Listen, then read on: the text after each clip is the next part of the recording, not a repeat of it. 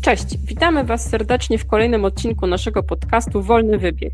Lato w pełni, a jak wiadomo, letnia aura niekoniecznie zachęca do intensywnej pracy przy komputerze. Dlatego dziś pogadamy sobie o tym, jak motywować się do pracy i nie tracić zapału i znaleźć sobie siłę do ukończenia projektu. A dzisiaj z nami są Michał, cześć, ja robię głównie game jamy, na przykład ostatnio na 1920 jam. Tyf, cześć. E, no, u mnie trochę z motywacją ostatnio słabo, więc będzie o czym pogadać później. Sosik od Electroride, ja tu jestem zmotywowany, bo, bo mnie termin goni. To Bewi od Voice of Flower. i ja, Izabela, szefowa kurniczka od gry Quest. Dobrze, e, jest z nami dzisiaj nowy nabytek kurkowy. Może zaczniemy od Ciebie i opowiesz nam krótko o tym, jakie gry robisz, jakie projekty, tak żebyśmy Cię poznali. Yy, Okej, dobrze, więc jakie gry robię obecnie? Ostatnio zrobiłem właśnie, zrobiliśmy w zespole grę 1920 Bitwa Warszawska na Game Jam, organizowany m.in. przez KGHM. Bardzo ciekawy projekt. Dostaliśmy tam materiały i konsultacje w zakresie właśnie materiałów historycznych i mieliśmy stworzyć grę, która nawiązywała jak najbardziej realnie do Bitwy Warszawskiej. Także my w zespole zrobiliśmy, w zespole czteroosobowym grę typu Tower Defense, gdzie bolszewicy atakują przedmieścia Warszawy w trzech falach. No i gracz ma do dyspozycji stawianie jednostek, czyli strzelców, którzy strzelają z karabinów oraz karabiny maszynowe. No musi tak sobie rozstawiać i dysponować tymi jednostkami, by odpierać fale atakujących. Wcześniej brałem udział w dwóch game jamach. Pierwszy to był stacjonarny w Poznaniu w ciągu 24 godzin, tak dość spontanicznie ze studentami zrobiliśmy platformówkę, którą chcieliśmy zrobić, żeby była dość zabawna, a nie poważna. Mm, Tematem tamtego game jamu to było There Are No Rules, także bardzo ciekawy temat. I zrobiliśmy grę o kaczuszce, która skacze na platformach, zbiera tam jakieś grzybki, znajdźki. W ciągu 24 godzin się wyrobiliśmy i projekt myślę wyszedł całkiem fajnie. No i kolejnym projektem, który nie został tak do końca zamknięty, to był nasz drugi game jam, tym razem zdalny, pierwszy zdalny. To była gra Teke Teke, nawiązująca do japońskich legend miejskich. Tam zrobiliśmy tylko jedną rundę. Ludzik chodzi po mapie, spotyka inne postaci. No i na końcu spotyka demona, z którym docelowo miał odbyć rozmowę i na podstawie tej rozmowy albo ginął lub przeżywał. No ni niestety tam nie wyrobiliśmy się w czasie. Być może zabrakło też motywacji, żeby dokończyć ten projekt, także on na ten moment jest zawieszony. Ja w tej chwili robię jeszcze jedną gierkę, którą planuję wydać, yy, którą będzie można zakupić. Być może jeszcze powrócimy do Teke Teke. Zobaczymy. Okej, okay, czyli głównie właśnie robisz dżemówki, to powiedz mi w takim wypadku, jak to jest z motywacją przy takich projektach? No wiadomo, że to jest bardzo intensywne, kilkanaście godzin, czasami jak w przypadku setnego dżemu kilka dni. Powiedz nam, jak właśnie sobie radzisz z motywowaniem siebie i zespołu do ukończenia, dowiezienia projektu. Na game jamach przede wszystkim jest e, mnóstwo zabawy, frajdy i mam taki zespół, który szczerze się angażuje i jeśli jest coś do zrobienia, to raczej chce to zrobić. Ale jedną z metod e, motywacji to bym wskazał właśnie tą zabawę i satysfakcję z tego, jak coś zrobimy. Także jeśli w jakiś sposób motywować e, innego członka zespołu, żeby on się cieszył ze swojej pracy i chętnie ją wykonywał, no to jest e, wykorzystywać tą jego pracę i pokazać mu, jakie są tego efekty. Ktoś dostarczy jakiś fragment kodu, czy animację, dźwięk, no to po prostu starać się, żeby to dobrze wdrożyć i pokazać mu, jak to fajnie działa, albo właśnie co nie działa dobrze, a jakby mogło, Twoim zdaniem, porozmawiać I ja nie doświadczam akurat takich problemów, żeby ktoś komuś się nie chciało. Zawsze, zawsze chętnie wszyscy pracujemy nad tym. A jak to jest z Twoją własną motywacją? Masz czasami takie spadki, że mógłbyś na przykład chętnie posiedzieć, poglądać serial, po, poleżeć do góry brzuchem i nic nie robić? E, masz czasami takie sytuacje, że wolałbyś po prostu odpuścić zamiast tak naprawdę dosyć intensywnie pracować? Jeśli chodzi o game jamy, to raczej nie, ponieważ one są do tej pory maksymalnie jeden tydzień i akurat y, nie, nie mam z tym problemu, żeby przez tydzień się zmobilizować. Raczej jestem bardzo ciekawy i chcę to robić. Także jeśli chodzi o motywację, to chyba tutaj nie mam żadnych problemów. Ale jeśli chodzi o mm, projekty, które trzymią się długo, na przykład jak kiedyś e, gra MMORPG, którą, na którą pracowaliśmy wiele tygodni, miesięcy, tam ta motywacja była konieczna. Czy tak jak teraz właśnie, gdy robię tę e, swoją gierkę, którą planuję wydać, jak mówiłem, no to tu oczywiście też ta motywacja jest potrzebna, bo po kilku tygodniach już człowiek ma trochę dosyć. Mm, w jaki sposób się zmotywować? No to podobnie jak wcześniej, dobrać sobie dobry zespół ludzi, który będzie też cieszył się z zadań, które otrzymuje, będzie chciał je zrealizować i dobrze. Sam fakt, że oni dostarczają e, rozwiązania, o które prosisz, dla mnie jest to bardzo motywujące. Jeżeli ktoś e, robi coś e, dla mnie, ja o to proszę, ja to otrzymuję, no to też ja chcę mm, odwdzięczyć się, docenić tą pracę i pokazać tej osobie, jak to fajnie gra, to co stworzył, bo ta osoba też to chce zobaczyć, więc dla mnie też to jest motywacja, żeby, żeby wykorzystać tą pracę czyjąś i pokazać jemu, jak fajnie nam to wychodzi i, i to w obie strony działa, nie? w dwie strony. Ktoś zrobił coś dla mnie i mnie to cieszy i chcę mu pokazać to i na odwrót. Ktoś chce zobaczyć moją pracę i, i też jakiś feedback da, o właśnie, feedback od osób, którym pokazuję to niekoniecznie z zespołu, tylko jacyś znajomi, przyjaciele, to też jest bardzo motywujące. Niezależnie, czy ten feedback jest taki, jakbyśmy chcieli, czy nie. Jeśli on jest konstruktywny, to on jest bardzo cenny i samo zainteresowanie, że ktoś inny chce w to zobaczyć, chce w to poklikać i ma choćby dwa zdania do powiedzenia, to też już jest mega satysfakcjonujące, że, że ktoś zwraca na to uwagę, moim zdaniem. Nie? No tak, ale mówisz o tych przypadkach właśnie, gdzie to hype na samo tworzenie pcha ludzi do przodu. Gorzej, gdy już nie robi ciekawych rzeczy, dodaje fajnych elementów do projektu, tylko trzeba spędzić na te, nie wiem, trzy godziny nad poprawieniem menu, czy na znalezienie jakiegoś buga, czy może trzeba przerobić jakiś istniejący już wcześniej system. Wtedy z tą motywacją często są problemy właśnie. I to, to są, wiesz, dobry team to pomaga, bo ludzie, którzy już spotkali się z czymś takim, sami widzieli te problemy, to sobie są w stanie poradzić z taskiem, który nie jest taki już przyjemny do zrobienia sam sobie. Ale totalni amatorzy często się już tym wypalają, co dalej widać. To ja mam taką metodę małych kroków regularnych, że tak powiem. To znaczy, jeżeli rzeczywiście się w czymś pojawia, nie tylko w developmencie takie zmęczenie, że ono już mi się nie chce, a może dzisiaj w ogóle nie trzeba tego robić, nie może tam jutro się tym zajmę, dzisiaj oglądam serial, to znam taką fajną e, historyjkę, nie wiem czy to jest prawdziwe, ale podobno był taki eksperyment, że dwóch e, Eskimosów e, na Antarktydzie podjęło wyzwanie, kto szybciej przebędzie drogę, tam jakąś odległą i wiele tygodni miało im to zająć. No, jeden przybrał taką postawę, że będzie szedł tylko wtedy, gdy będą dobre warunki, gdy będzie się czuł, a gdy nie, to będzie odpoczywał. I on uważał, że będzie miał więcej sił i wtedy lepiej to wykorzysta, a będzie się regenerował i będzie ok. A drugi z kolei mówił, że nie, że będzie szedł codziennie, tyle będzie szło. E, no i ostatecznie ten, który codziennie, codziennie szedł chociaż parę kroków, zawsze wstał, to ten doszedł znacznie szybciej.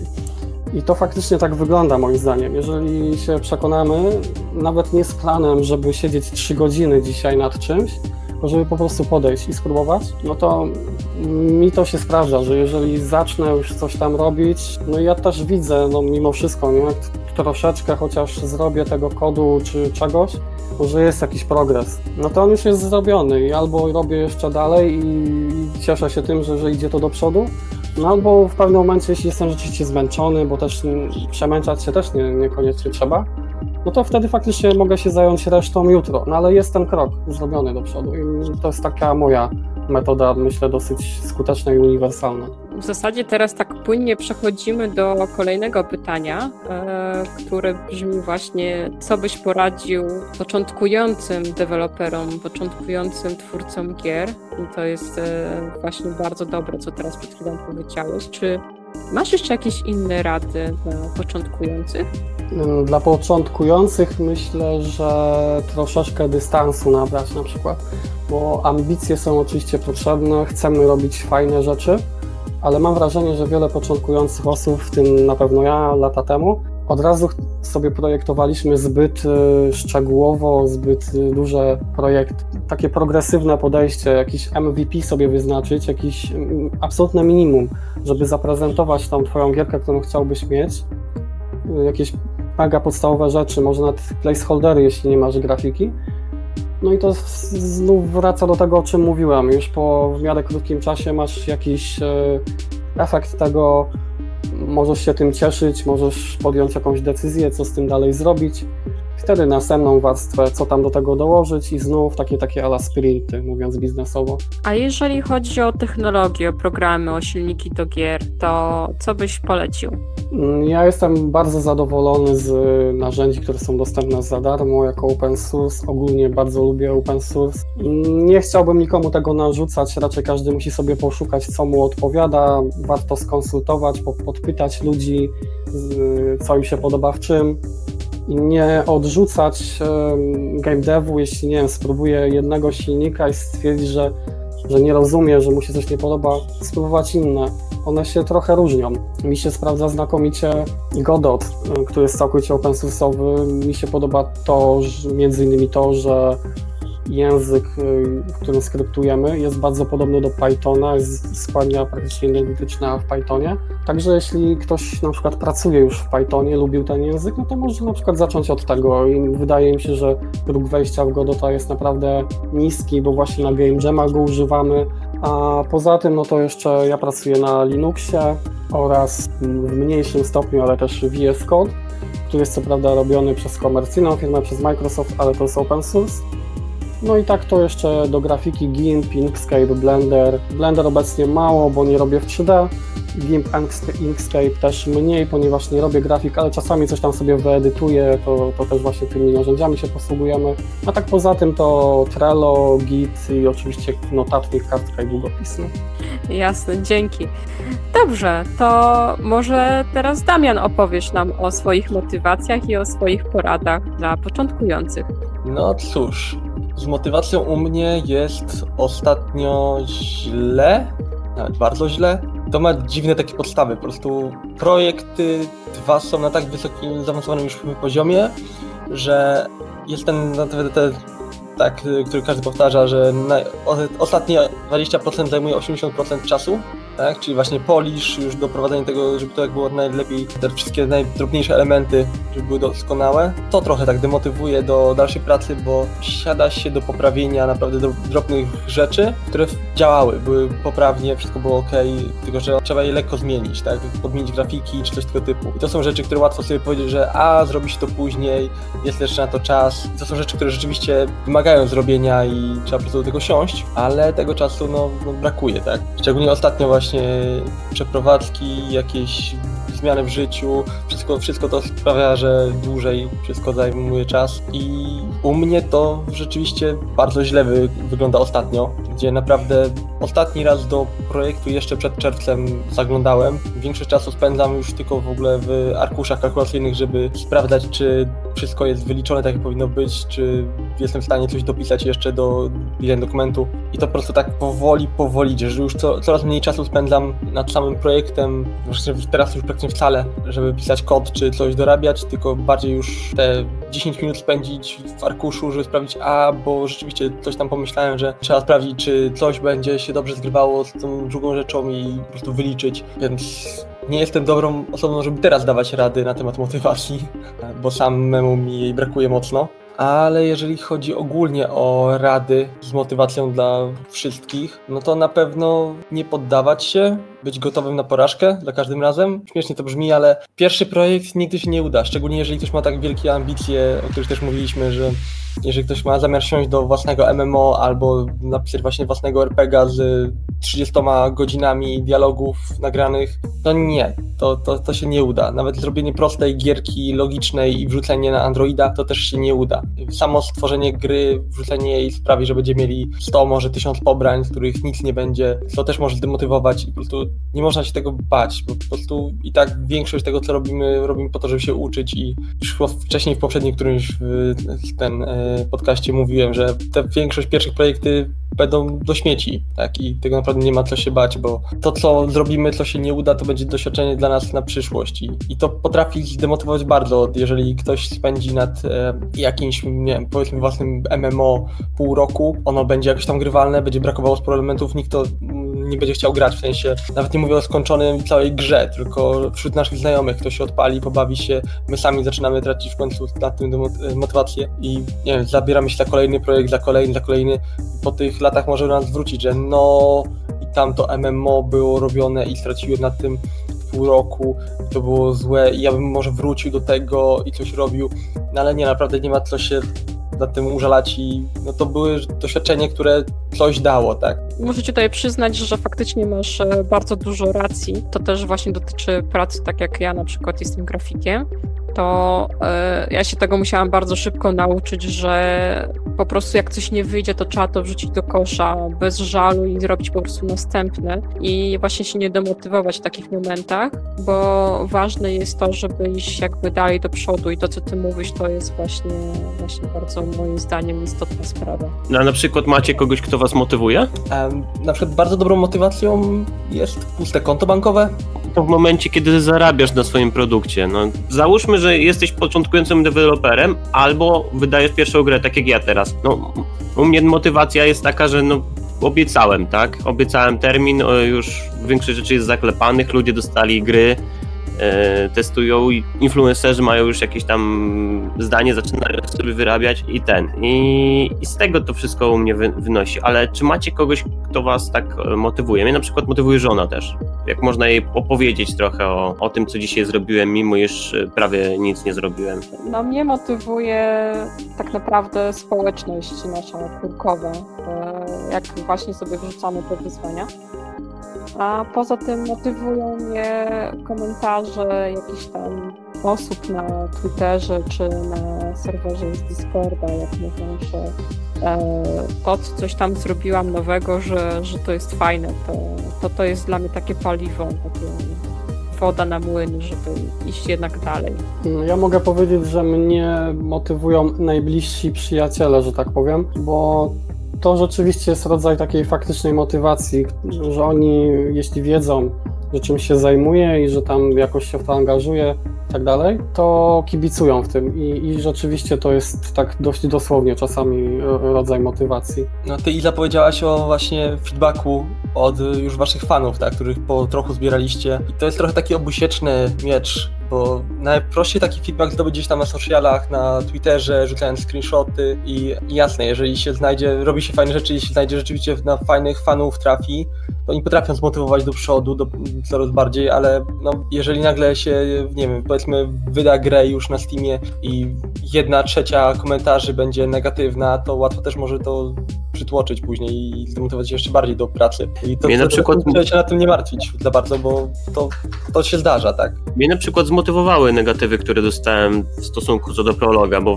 wypuściliśmy najpierw prolog, tak z miesiąc temu i większość rzeczy, które były w komentarzach okazały się, że były tak jakby niedociągnięciami, tam wiecie, typu balans i tak dalej i to były rzeczy, które można było dociągnąć i do finalnego zabezpieczyć się przed tymi rzeczami, które za, ten, za, były zarzucane. Więc y, moim zdaniem to było całkiem motywujące. Znaczy, było irytujące oczywiście, ale można było z tego wyciągnąć coś pozytywnego.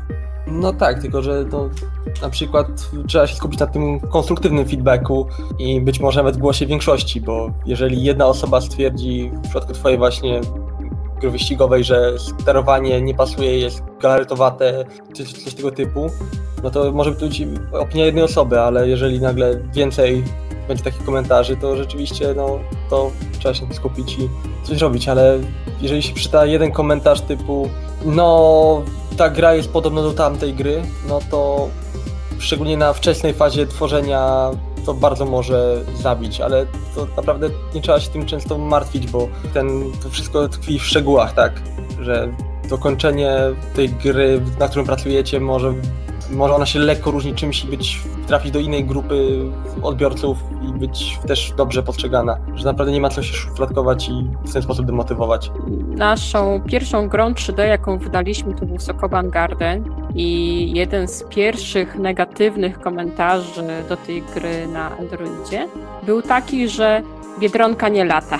Komentarz e, kompletnie z czapki Także tak, faktycznie też nie ma co brać do siebie jakichś takich negatywów, bo czasami one po prostu nie mają racji bytu kompletnie. No są, y, są dobre i złe negatywy, można by powiedzieć.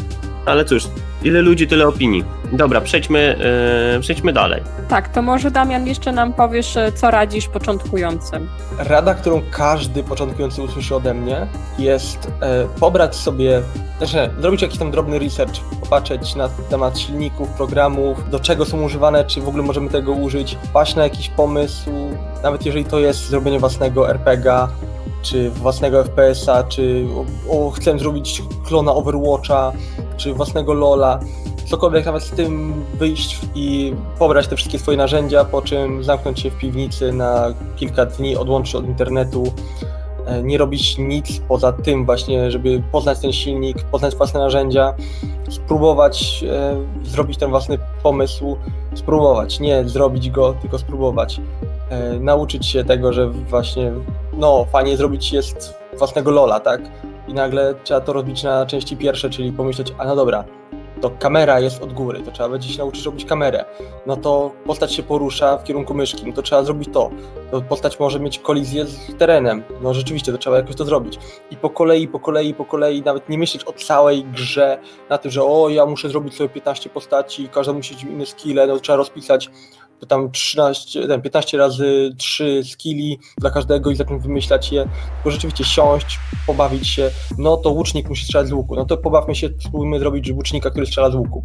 I takimi właśnie prostymi kroczkami, bez planowania, po prostu lecieć na tym flow, e, który Michał właśnie wspominał wcześniej, po prostu robić, robić, pracować nad tym, próbować coraz więcej rzeczy później po prostu wywalić to wszystko, tak czy inaczej, bo e, nawet projekt, jeżeli będzie wysoko, czy tam w dalszym procesie już będzie jakiś grywalny, to i taką będzie miał masę błędów takich naszych prostych, że nie wiem, próbowaliśmy robić coś źle od strony kodu, yy, grafiki wsadzaliśmy w innej skali, jakieś takie proste, proste naprawdę rzeczy, których nie mieliśmy doświadczenia wcześniej, próbowaliśmy i one działały. I po prostu to, to nie są rzeczy, które jest fajnie po prostu kontynuować i ciągnąć w czymś, tylko może spróbować coś innego, może po prostu jest spróbować to samo drugi raz. Wyciągnąć po prostu wnioski z tego, co się zrobiło i właśnie uważam to za potencjał, że samo odcięcie się od świata zewnętrznego, takiego, żeby e, nie musieć już grać w grę, którą się inspirujemy, żeby nie musieć właśnie e, szukać sobie filmików z tutorialami, nie patrzeć na jakieś właśnie przykłady, pobieranie na asety, tylko wsiąść i mieć to już, co mam gotowe, wsiąść na te kilka godzin, nawet się zamknąć i zacząć próbować to robić, a nie e, na takiej zasadzie właśnie, żeby no, bo potrzebuję sobie postaci, która będzie, nie wiem, skakać, no to pierwsze co robię, to wchodzę na YouTube'a, wpisuję nie, Unity, Jumping, y, charakter i sobie patrzę, jak to jest zrobione, tylko rozpracować to, po prostu pobawić się. E, może już są jakieś w samym silniku pobrane e, przykłady, które jakoś tam nam pozwolą się pobawić się tym.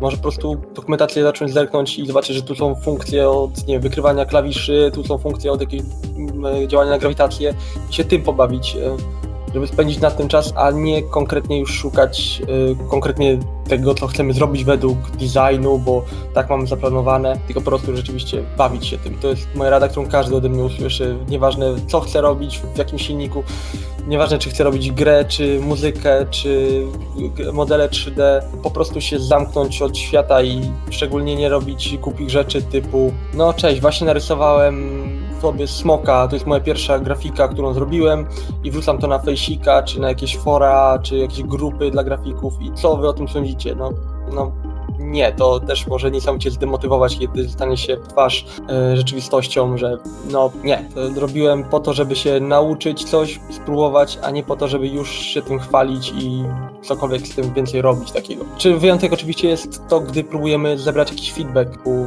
e, nie wiem, próbuję zrobić e, model rewolweru w Blenderze i nie wiem, mam problemy z tym, że werteksy moje są w odwrotną stronę, więc może rzeczywiście to tak, no to jest to, po co nam ten internet jest, tak, zapytać się ekspertów, którzy mają większe doświadczenie w tym, rzucić tego screena, czy ktoś wie o co chodzi. No pewnie się dostanie odpowiedź, plus jeszcze sporo negatywnych komentarzy, ale tak to jest. To, co mówisz, poruszyłeś e, bardzo ważną rzecz, że doświadczenia nie da się nauczyć z żadnych tutoriali. I czasami ludzie mnie pytają o to, jak coś zrobić e, w Blenderze, jak zrobić coś tam w Godocie przy grze, jak, jak, jak ją robić, prawda? I to są rzeczy, o które oni mnie pytają, których ja już do tej pory jakby nie zwracam na nie uwagi, już nie pamiętałam, że miałam z nimi problem.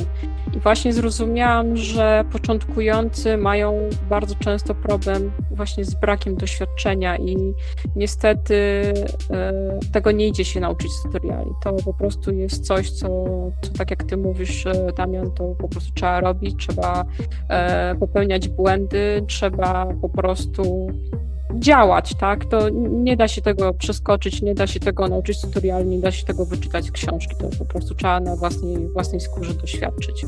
Myślę, że game jamy są właśnie takim dosyć e, fajnym poligonem doświadczalnym, bo oczywiście jeśli nie mamy doświadczenia jeszcze i niewiele umiemy, to być może trochę wstyd nieraz pokazać, co tam się zrobi, ale widzę, że niektórzy ludzie się tym absolutnie nie przejmują robią na game jamach y, w ogóle pierwsze swoje podejścia z jakimś silnikiem, nie mając za bardzo doświadczenia w game devie. I no, mimo, że dla kogoś doświadczonego wygląda to nieraz komicznie czy śmiesznie, on się nauczył i myślę, że jak najbardziej można sobie potestować, popróbować. A w szczególności, jeśli znajdziemy kogoś chociaż trochę bardziej doświadczonego, który coś więcej zrobi, a nam pozwoli się trochę pobawić, pokaże co i jak no to już w ogóle super, moim zdaniem. Tak, ja właśnie chciałem przejść dalej do po prostu tematu game jamów, bo e, one są w dalszym ciągu najlepszym takim skondensowanym miejscem, gdzie jest masa ekspertów i masa tych prostych pomysłów, które są realizowane na bieżąco, więc to jest najlepsze miejsce, żeby przysiąść się do kogoś i zapytać, nawet właśnie wziąć, jeżeli ma się taką, takiego eksperta w teamie i nauczyć się czegoś, próbować. Po prostu tych ludzi się ma obok siebie i oni razem chcą robić to, co my, więc no tylko, że game coraz częściej zaczęły iść w kierunku nagród, co mi się bardzo nie podoba i wtedy nagle ludzie zaczynają się odrywać, bo się pojawia e, konkurencja, więc e, coraz częstsze już takie no ja ci nie pomogę, bo jesteś w innym teamie i wiesz, bo my robimy fajną grę i chcemy wygrać, więc zabierasz mi czas. No i tu jest temat tego, motywacji, nie? Mhm, tak, tak. Motywujemy kogoś nagrodami rzeczowymi, co jest takie... Chyba nie o to chodzi. No zdecydowanie nie o to chodzi, żeby nagle spróbować z frajdy, zabawy, zrobienia czegoś, przekształcać to w pełen taki konkurs y, po to, żeby musieć coś zrobić, musi to być najlepsze i musi to przybudować, przypodobać wszystkim, e, bo ja chcę wygrać, bo są nagrody, fajne jakieś wiem, monitory, gamepady, konsole do wygrania, czy cokolwiek innego. No nie tędy droga. I to tak, to naszych organizatorów game jamów, którzy słuchają, nie, to, to nie po to są game jamy jednak. Od tego są hackatony, konkursy. To właśnie w tym game jamie, w którym brałem udział ostatnio, mm, był dość mocno zorganizowany, była dość duża nagroda główna i dość dużo instytucji uczestniczyło w tym.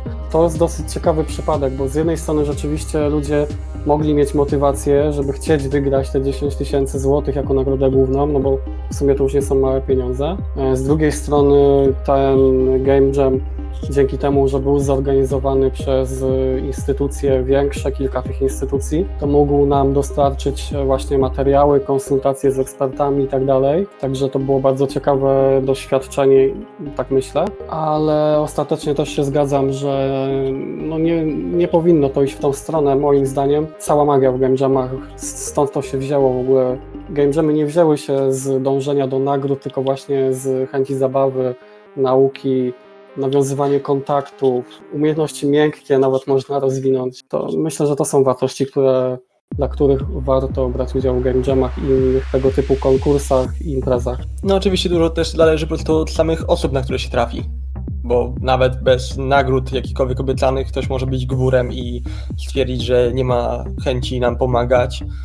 A może się okazać, że ktoś, kto w tym momencie zrobi najlepszą grę na samym Game Jamie i tak poświęci te 5 minut, żeby pomóc ci znaleźć coś w dokumentacji, czy pokazać przykład na YouTubie, jak możesz coś zrobić, więc naprawdę wciąż zależy od ludzi. Może musimy zrobić nasz kurkowy game jam. e, dobrze, a może przechodząc już dalej do Sosika, może ty opowiesz nam teraz o swoich motywacjach. W tym samym czasie właśnie ma, leci w tle e, stream jakiejś dziewczyny, która gra na Easy na Twitchu w Electrorida i myślę, że to jest niezła motywacja.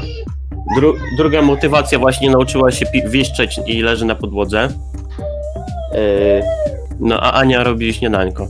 Pewną motywacją na pewno są ludzie, nie? Bo wszyscy ludzie, którzy nam pomagają, czyli nie wiem, kurki, e, rodzina, ludzie z Discorda, oni są, pokazują, że mi się podoba, pokazują, że, że nasza robota ma, ma jakiś sens.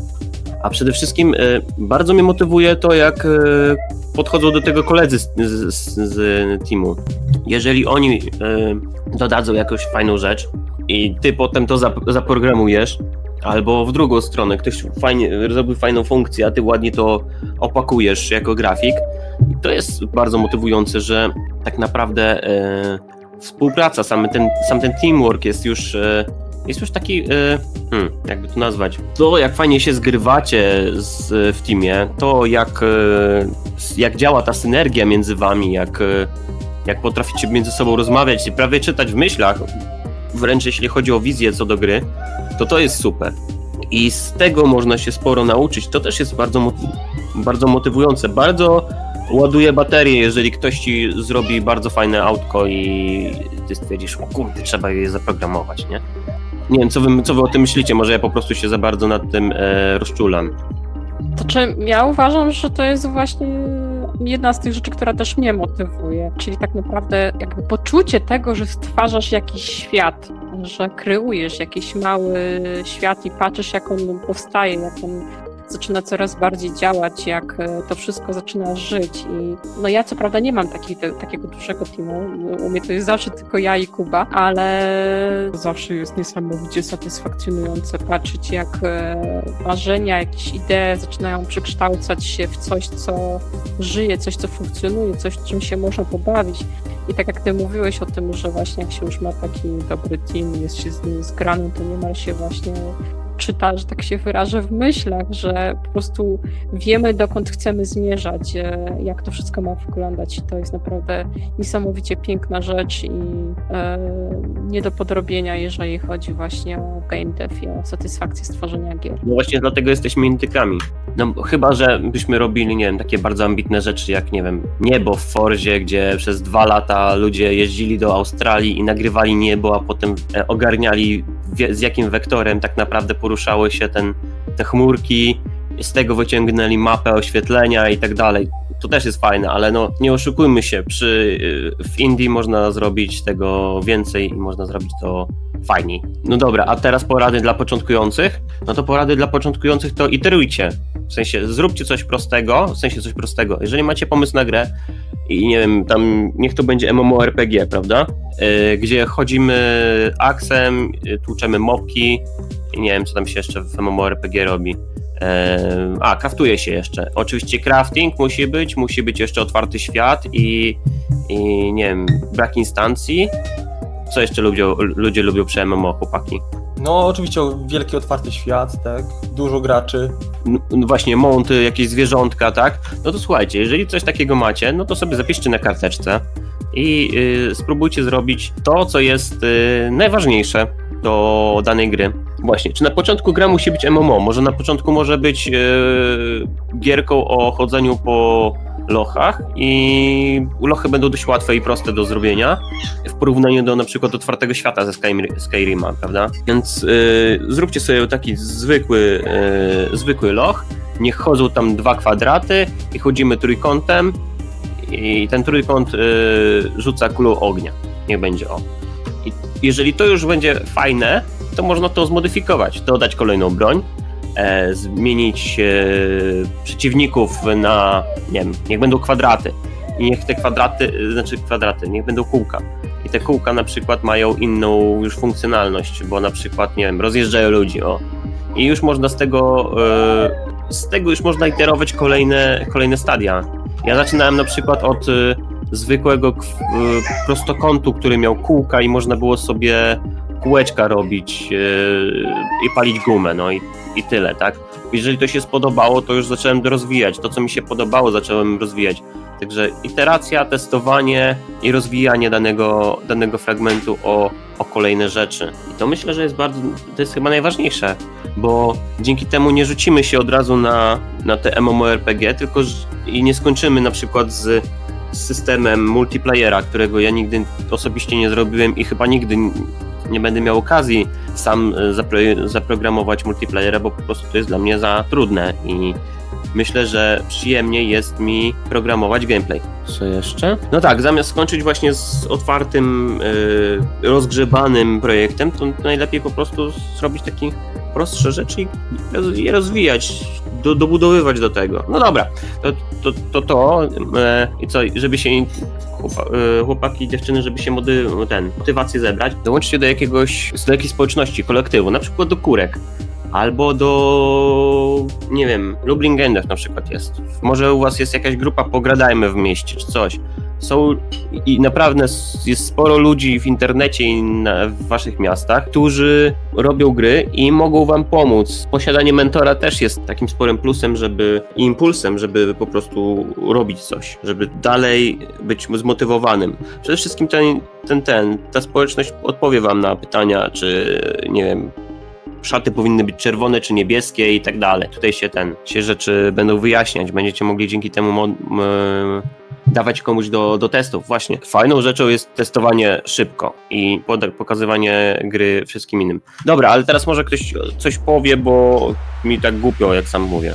E, tam fajnie wspomniałeś, że rozpracować sobie w- grę na części pierwsze, tak? Czyli zobaczyć, robić to, co jest najważniejsze według nas. I rada dla wszystkich początkujących, że menu nie jest najważniejszą częścią gry. Coś, co już się tak nie spotyka, ale ja to pamiętam ze swoich początków, te 15 lat temu, gdzie każdy nowy projekt, nieważne co to było, zaczynał się od y, concept artu i od screenshota menu, bo zaczynane było od tworzenia menu, które później dopiero otwiera, otwiera nasz level, które było zupełnie niepotrzebne, ale z jakiegoś powodu masa, masa ludzi się to zabierała. To nie jest potrzebna rzecz. Pierwsze A. wasze 2-3 lata tworzenia czegokolwiek. To dosyć zabawne, bo e, w naszym przypadku w Kiwano właśnie menu zostaje na sam koniec i, i, i właśnie dopiero jak już gra jest jakby kompletna, to dopiero za- zabieramy się za to, żeby menu jakoś działało.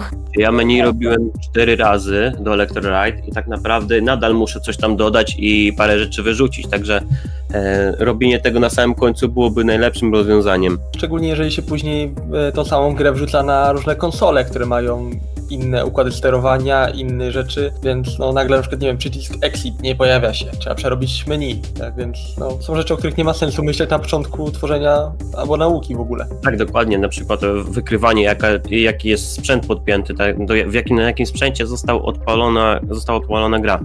Czy tam e, jaki jest input device, nie? W sensie czy pad, czy myszka, czy klawiatura. To też jest troszkę bardziej zaawansowane, a nie potrzebujemy tego na samym początku. Najlepiej to po prostu zrobić prosty prototyp, twierdzić, czy, czy jest fajny, rozwijać jak jest fajny, lecieć dalej, co tu więcej. A, właśnie, czy macie jakieś te lokalne u siebie e, eventy typu, nie wiem, Expert Summit, czy tam, nie wiem, e, miejsce, gdzie można pokazać grę, co, coś, cokolwiek z IT. Na takich miejskich właśnie pokazach można e, ludziom poza branży, spoza w ogóle za, kręgu zainteresowania grami, pokazać swoją grę, dzięki temu zebrać feedback. To też jest bardzo e, motywujące. Szczególnie jeżeli można pogadać z takim człowiekiem oko w oko i zobaczyć, jak ktoś gra, jak ktoś reaguje e, na twórczo. No ja akurat mieszkam na e, game devowej pustyni w tym momencie. E, jeszcze jak mieszkałam pod Warszawą, to jeszcze jak cię mogę, ale teraz już tutaj koło Zielonej Góry to, to, to się nic nie dzieje, z tego co wiem. ale e, faktycznie fajnie jest chociaż czasami pojechać na jakieś pogradajmy lub coś w tym stylu i to też bardzo polecam. Tak, właśnie wypady, jakieś imprezy gaming, gamingowe, to w sensie mówię o tych małych, takich e, lokalnych, właśnie pogradajmy, czy jakieś tam gdzieś tam zdarzają się spotkania przy piwie, czwartki jakieś game devowe, coś tego typu.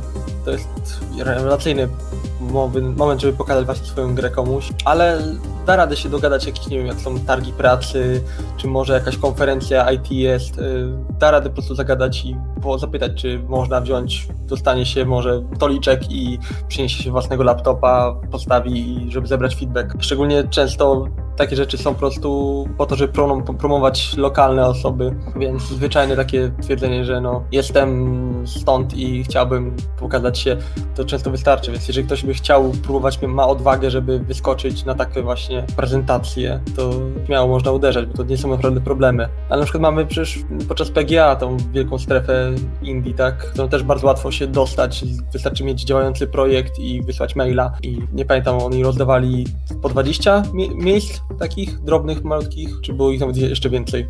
No było ich bardzo dużo, a jeżeli będzie więcej, to po prostu dostawią stoliki najczęściej. Nie słyszę o kimś, kto zostałby odrzucony. Ja widziałem tam naprawdę takie początkujące projekty, więc spokojnie można by, można by iść z czymś tam. Szczególnie jeżeli nasz cel to jest się wystawić po to, żeby zebra- zebrać feedback. E, dokładnie, to co? Może teraz Tomek, e, może ty opowiesz o swoich motywacjach, co? E, Więc ogólnie w moim przypadku sama motywacja do tego, żeby robić grę, nie mam z tym problemu, bo po prostu ro- robienie gier to coś, co chcę robić, jakoś tak przychodzi mi to naturalnie. Natomiast z czym mam większy problem, to y, motywacja, żeby pracować nad konkretnym projektem.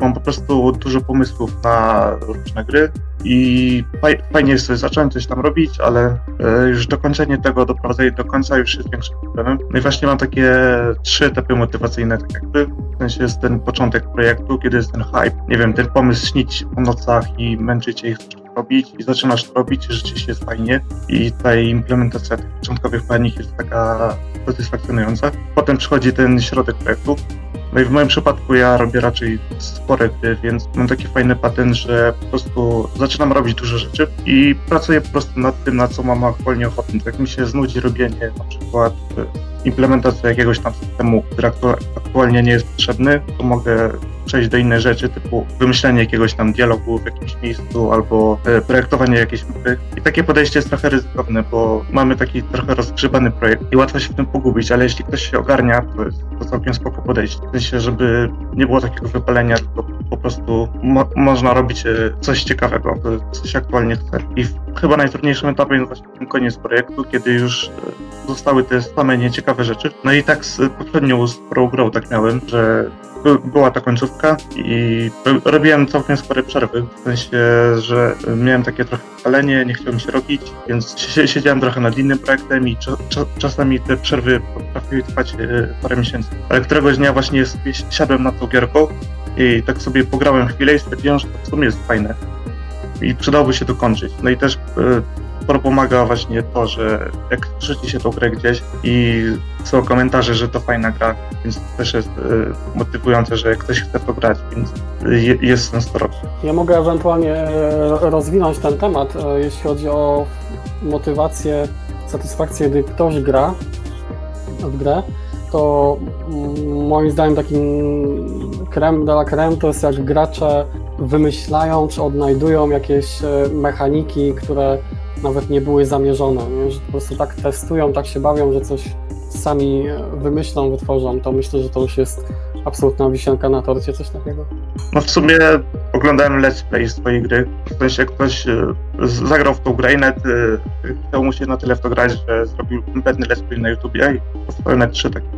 I całkiem fajnie się to ogląda. W sensie jak się widzi, że jak ktoś e, prze- przechodzi tą grę, odkrywa e, ten świat, który się stworzyło i te różne mechaniki. No, ja czasami mam problem właśnie z oglądaniem takich let's playów, bo większość naszych gier, które my zrobiliśmy, to były gry logiczne.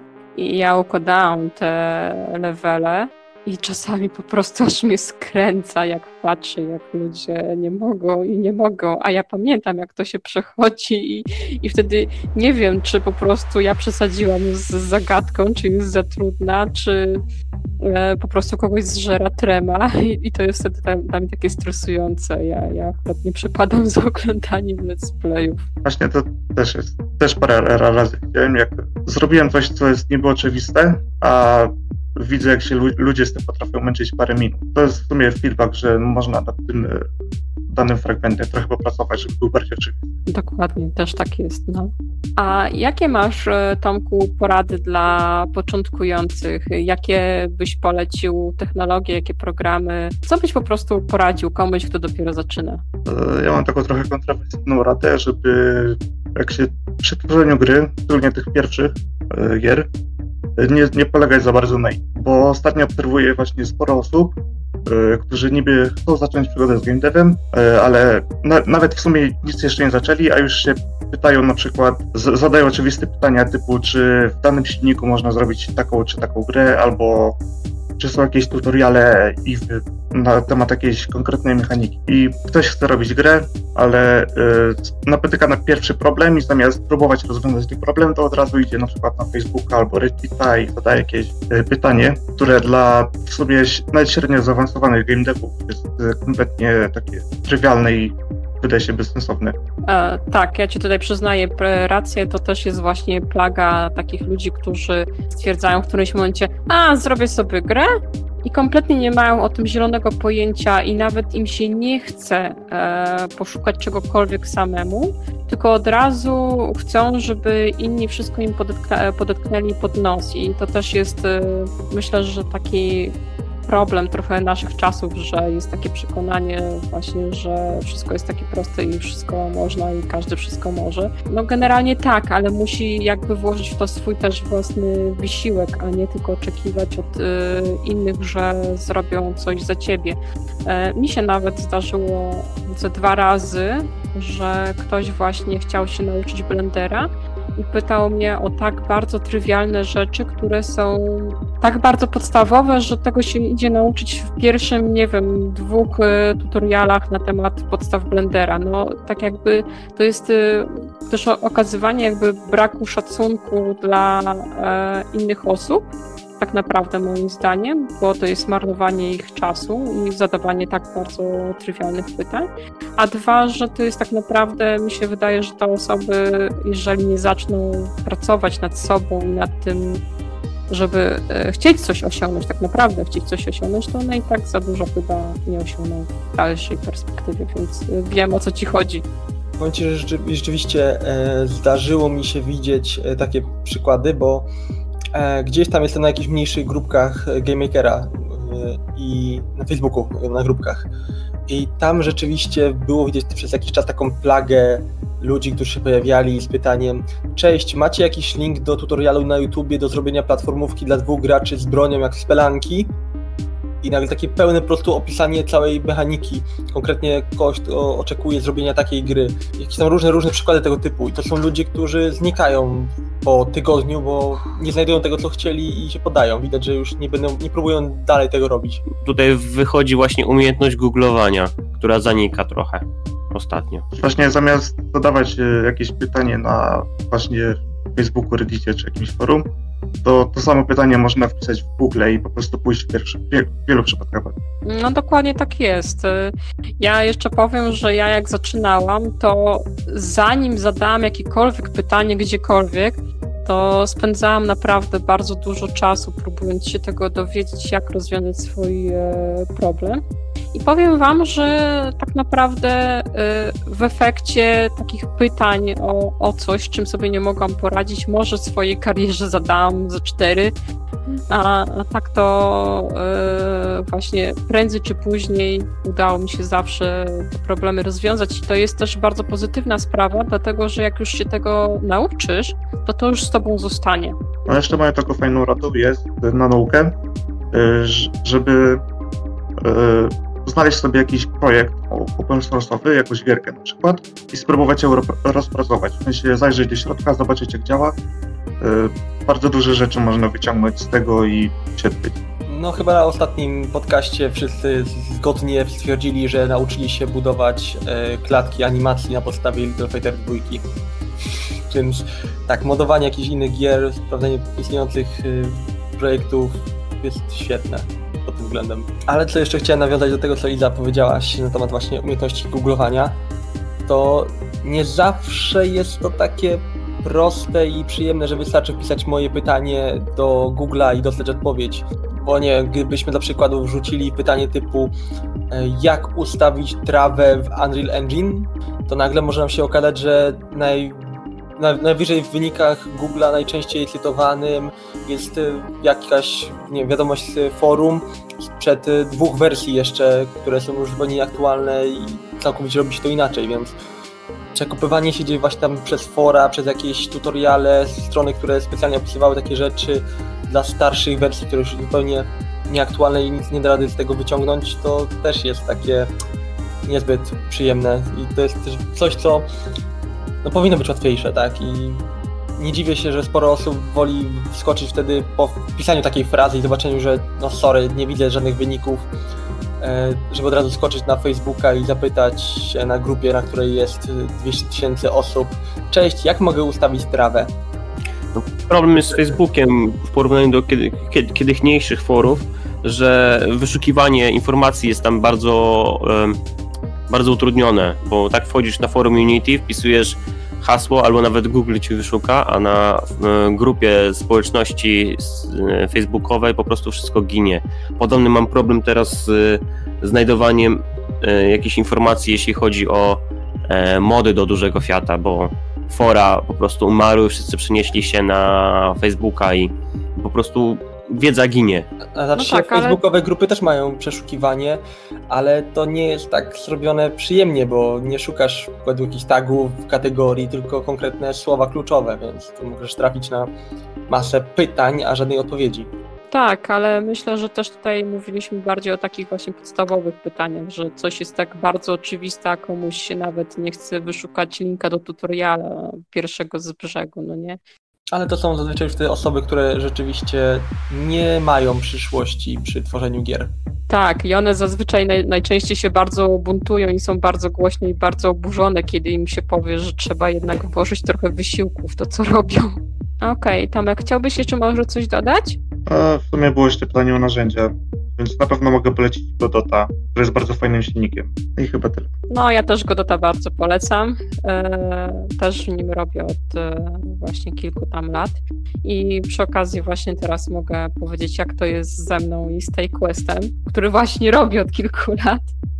I przy tak dużym projekcie i przy tak długim czasie faktycznie można mieć problemy z motywacją. E, to raczej nie jest problem z motywacją ogólnie, żeby dokończyć e, ten projekt, tylko czasami takie spadki motywacyjne mm, dotyczą na przykład jednego, dwóch dni, prawda, że wstajesz rano, siadasz do komputera i po prostu ci się nie chce, że masz takie właśnie poczucie, że a, może by coś tak innego porobić, może by tam spalić tam na Facebooku, może to, może tamto, to e, w przypadku właśnie tak długiego projektu e, ten hype właśnie troszeczkę opada. Czasami są takie trochę problemy z tym, żeby się zabrać. I moim sposobem na to, żeby tą motywację utrzymywać. E, to jest e, tak naprawdę to, co już większość z Was tutaj e, dzisiaj mówiła, czyli rozbijanie różnych rzeczy na mniejsze taski. Ja do tego z celu używam zeszytu i zapisuję sobie po prostu taski, jakie mam do zrobienia. Zapisuję sobie większe taski gdzieś tam z jednej strony na jakieś tam z jednej strony zeszytu i one są takie większe, na przykład, nie wiem, zrób menu, nie? Albo y, taski takie małe, codzienne y, i one są już rozbite na kolejne zadanie. No i właśnie kiedy robi się takie taski y, rozbite na konkretne zadania w danego dnia, to też jest dosyć motywujące, kiedy widzisz, że możesz postawić krzyżyk, że aha, to zaliczone, to zaliczone, to zaliczone, jeszcze to do zrobienia. I to jest jakieś takie poczucie, że e, masz taki progress bar, który się zapełnia i, i widzisz, że, że coś się dzieje. To, to, to, to jest, e, kiedy, zwłaszcza kiedy robisz coś takiego e, nużącego, co nie jest jakby bezpośrednio związane z rozgrywką, na przykład e, menu w grze, to bardzo pomaga. Z kolei te duże zadania, te duże taski pomagają, jeżeli na przykład jesteś, e, tak jak tutaj już e, wcześniej było mówione, to Tomek mówił, że jak jesteś znużony jakimś zadaniem, masz go już dosyć, to czasami faktycznie warto jest e, porobić jakieś inne zadania z listy to do, które się po prostu ma. I taka lista to do właśnie bardzo pomaga, żeby się ogarnąć, co jest do zrobienia, żeby po prostu nie, nie pogubić tych wszystkich końców sznurków, które się trzyma w ręce, żeby mieć nad tym kontrolę. I czasami faktycznie to warto. Rzeczywiście przypomniałaś mi, to jest coś, co mnie motywowało przez długi czas. E, duża lista tasków do zrobienia i nagle kilka takich naprawdę wielkich kobył, które wymagają, nie wiem, redesign całego menu postaci, w sensie inwentory postaci, albo e, redesign całego zachowania kamery, takie rzeczy. I nagle to są rzeczy, które przytłaczają strasznie i się nie chce tego robić. No ale zaraz obok mam 50 malutkich tasków typu e, poprawić poruszanie, dodać nową broń, dodać nowe grafiki, podmienić jakieś grafiki. I to są nagle taski, które jak się spojrzy na tamte wielkie, to nie chce się tego robić, ale te malutkie rzeczywiście można wziąć i z przyjemnością zrobić. To też motywuje. Tak, dokładnie o, o to chodzi. E, z innych motywacji jeszcze mam takie, że zauważyłam, że sporo ludzi, którzy robią gry, mówią, że już w te gry nie grają.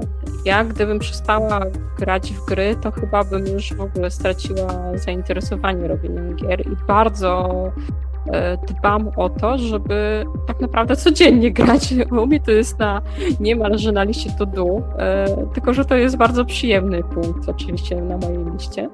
E, I codziennie wieczorem sobie gram i tak naprawdę mm, zauważyłam już to sama po sobie, że jeżeli nie mam tej chociażby godziny dziennie e, najmniej na to, żeby sobie pograć w jakąś grę spokojnie. E, akurat e, teraz gram Just Cause 3. Jest bardzo, bardzo fajny. Akurat niedawno dostał platinum na Linuxie, więc dlatego dopiero teraz ukrywam. I po prostu zauważyłam, że jeżeli nie ogrywam tych gier, to zaczyna mnie dopadać jakieś takie zniechęcenie, że już mi się po prostu nie chce. Ja osobiście bardzo polecam, jeżeli się robi gry, to, to, to warto jednak wciąż mieć radość z grania w gry. Poza tym, świetną właśnie rzeczą jest o którym już tutaj wspominaliśmy kilka razy, to jest właśnie dołączenie do jakiejś społeczności szczególnie takich mniejszych, e, które nie są jeszcze, nie ma tam na przykład 10 tysięcy osób, tylko jest, jest, jest, jest mniej. I to bardzo wspomaga proces twórczy. Na przykład u nas e, na chórkach robimy sobie wyzwania na taski. Sosik, tutaj ci macham łapką. Machowuję. E, dokładnie. I mm, właśnie takie wyzwania na taski to jest super sprawa, bo mamy właśnie kilka tasków do zrobienia na dzień, jakichś tam takich mniejszych. To jest super motywujące, że wiesz, że gdzieś tam po drugiej stronie Polski jest ktoś, kto też robi te taski i też e, się nad tym stara i i to jest takie, no, że siedzicie w tym razem, że to jest takie fajne, motywujące. I, i kto da radę, a kto nie da rady, a może obydwoje damy rady, a jak nie, nie, nie, nie, nie da nikt, no to już jest troszeczkę smutniej, ale zawsze jest jednak taka wspólna motywacja to, to jest super sprawa. A ostatnią rzeczą, która jeszcze mnie tak e, motywuje, to to jest to, że no, ja gry już robię od kilku lat i w zasadzie no, gdzieś tam niektórzy, niektórzy ludzie już mnie tam rozpoznają, y, mniej lub bardziej. I to jest super fajne uczucie, kiedy na przykład chodzisz na jakiegoś Discorda po raz pierwszy i na przykład mówią ci czaj, że znamy cię. I to jest super fajna sprawa. Albo na przykład y, na YouTubie, jak e, się wrzuci jakiś tam filmik z mm, developmentu i ktoś ci skomentuje, że fajne, że, że super to się ogląda, to też jest strasznie fajna sprawa. Albo na przykład na Twitterze czy innych społecznościówkach, kiedy ktoś poleci twoją pracę innym, że zobacz jaka fajna gra, to też jest naprawdę mega, mega fajna sprawa. Albo na przykład e, komentarze pod e, grami na sklepie. I ostatnio nawet widziałam taki komentarz, że do Grand Post Table, że ktoś napisał, że grał w tą grę kilka lat temu, że zainstalował ją e, znowu i że wciąż bardzo mu się podoba. I to jest takie coś, co tak naprawdę bardzo, bardzo fajnie grzeje w serduszko i czujesz, że ten mały świat, który stworzyłeś, że komuś daje radość i ktoś, jest, ktoś lubi do tego wracać, że przekazałeś jakby cząstkę swojej miłości do gier komuś jeszcze i to jest naprawdę super. No, a jeżeli chodzi o co polecam początkującym, którzy dopiero zaczynają pracę, to tak jak e, tutaj już przedmówcy mówili, ja tylko jeszcze podsumuję, że ja też tak e, uważam, że po prostu przede wszystkim robić, próbować robić za wszelką cenę. Jeżeli się uważa, że jest e, jakiś potencjał, że czujemy chęć do robienia tych gier, no to po prostu trzeba je próbować. Tak samo jest z grafiką, tak samo jest z programowaniem, tak samo jest z muzyką. Jeżeli się czegoś nie robi, no to wiadomo, że nie będzie z tego żadnych efektów. Jeżeli się coś robi, nawet na początku jest to bardzo słabe, no to im dłużej to będziemy robić, im bardziej będziemy się starać, tym więcej będziemy mieć doświadczenia i tym lepsze efekty będą za jakiś czas. Dłuższy, krótszy, ale w końcu nadejdą. I to jest niesamowicie satysfakcjonujące, kiedy wreszcie one nadchodzą. Początkującym jeszcze bym poradziła, żeby nie stawiali sobie przeszkód pod własne nogi. Takimi przeszkodami na przykład jest używany software. Na przykład y, może ktoś powiedzieć, e, ja nie mogę robić y, grafiki, bo Photoshop jest drogi. No to jak Photoshop jest drogi, no to używaj Gimpa Inkscape'a tak naprawdę do game developmentu open source jest naprawdę wystarczający. Sprawdziłam to na sobie. Naprawdę nie potrzeba niczego więcej. Przez jakiś czas e, używam mm, Photoshopa i akurat mi nie podszedł, ale to nie o to chodzi. Mam porównanie i po prostu uważam, że do game developmentu nie potrzeba niczego więcej. Wystarczy tak naprawdę chęć, żeby coś robić, a nie, nie, nie program jakby czyni z ciebie game developera, tylko to, jak ty tego programu używasz.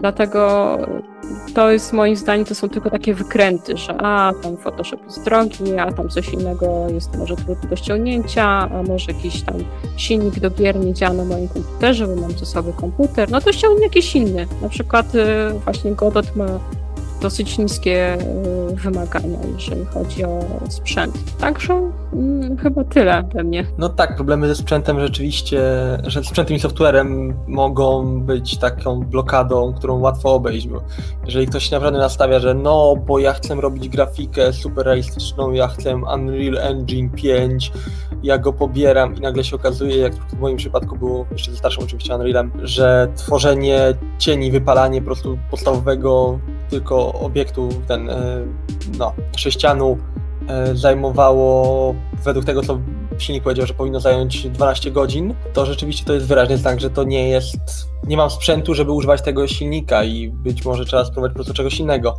Dokładnie, albo po prostu inny projekt. No jeżeli nie możesz e, robić hiperrealistycznego 3D MMORPG, no to zrób najpierw Sokobana, tak? Myśmy na początku tak robili. Powiem więcej, że ja na początku samym swojej kariery e, Blendera czasem używałam na maluteńkim netbooku 10 e, cali z 1 GB RAMu i też się dało, także moim zdaniem sprzęt to nie jest wymówka. Po prostu trzeba dostosować swoją grę do tego, co się ma i tyle. I jechać do przodu. No dobrze, w takim razie kończymy nasz kolejny podcast. Dzisiaj rozmawialiśmy sobie o naszych motywacjach do tworzenia gier i o poradach dla początkujących. A dzisiaj z nami byli Michał od Game Jamów, Damian od Game Jamów, Sylwek nie od Game Jamów, od Electrorida. Tomek od Voice of Flowers. i ja, czyli Izabela od y, tej Quest, szefowa kurniczka. Do usłyszenia w następnym odcinku. Cześć! Cześć, cześć. cześć.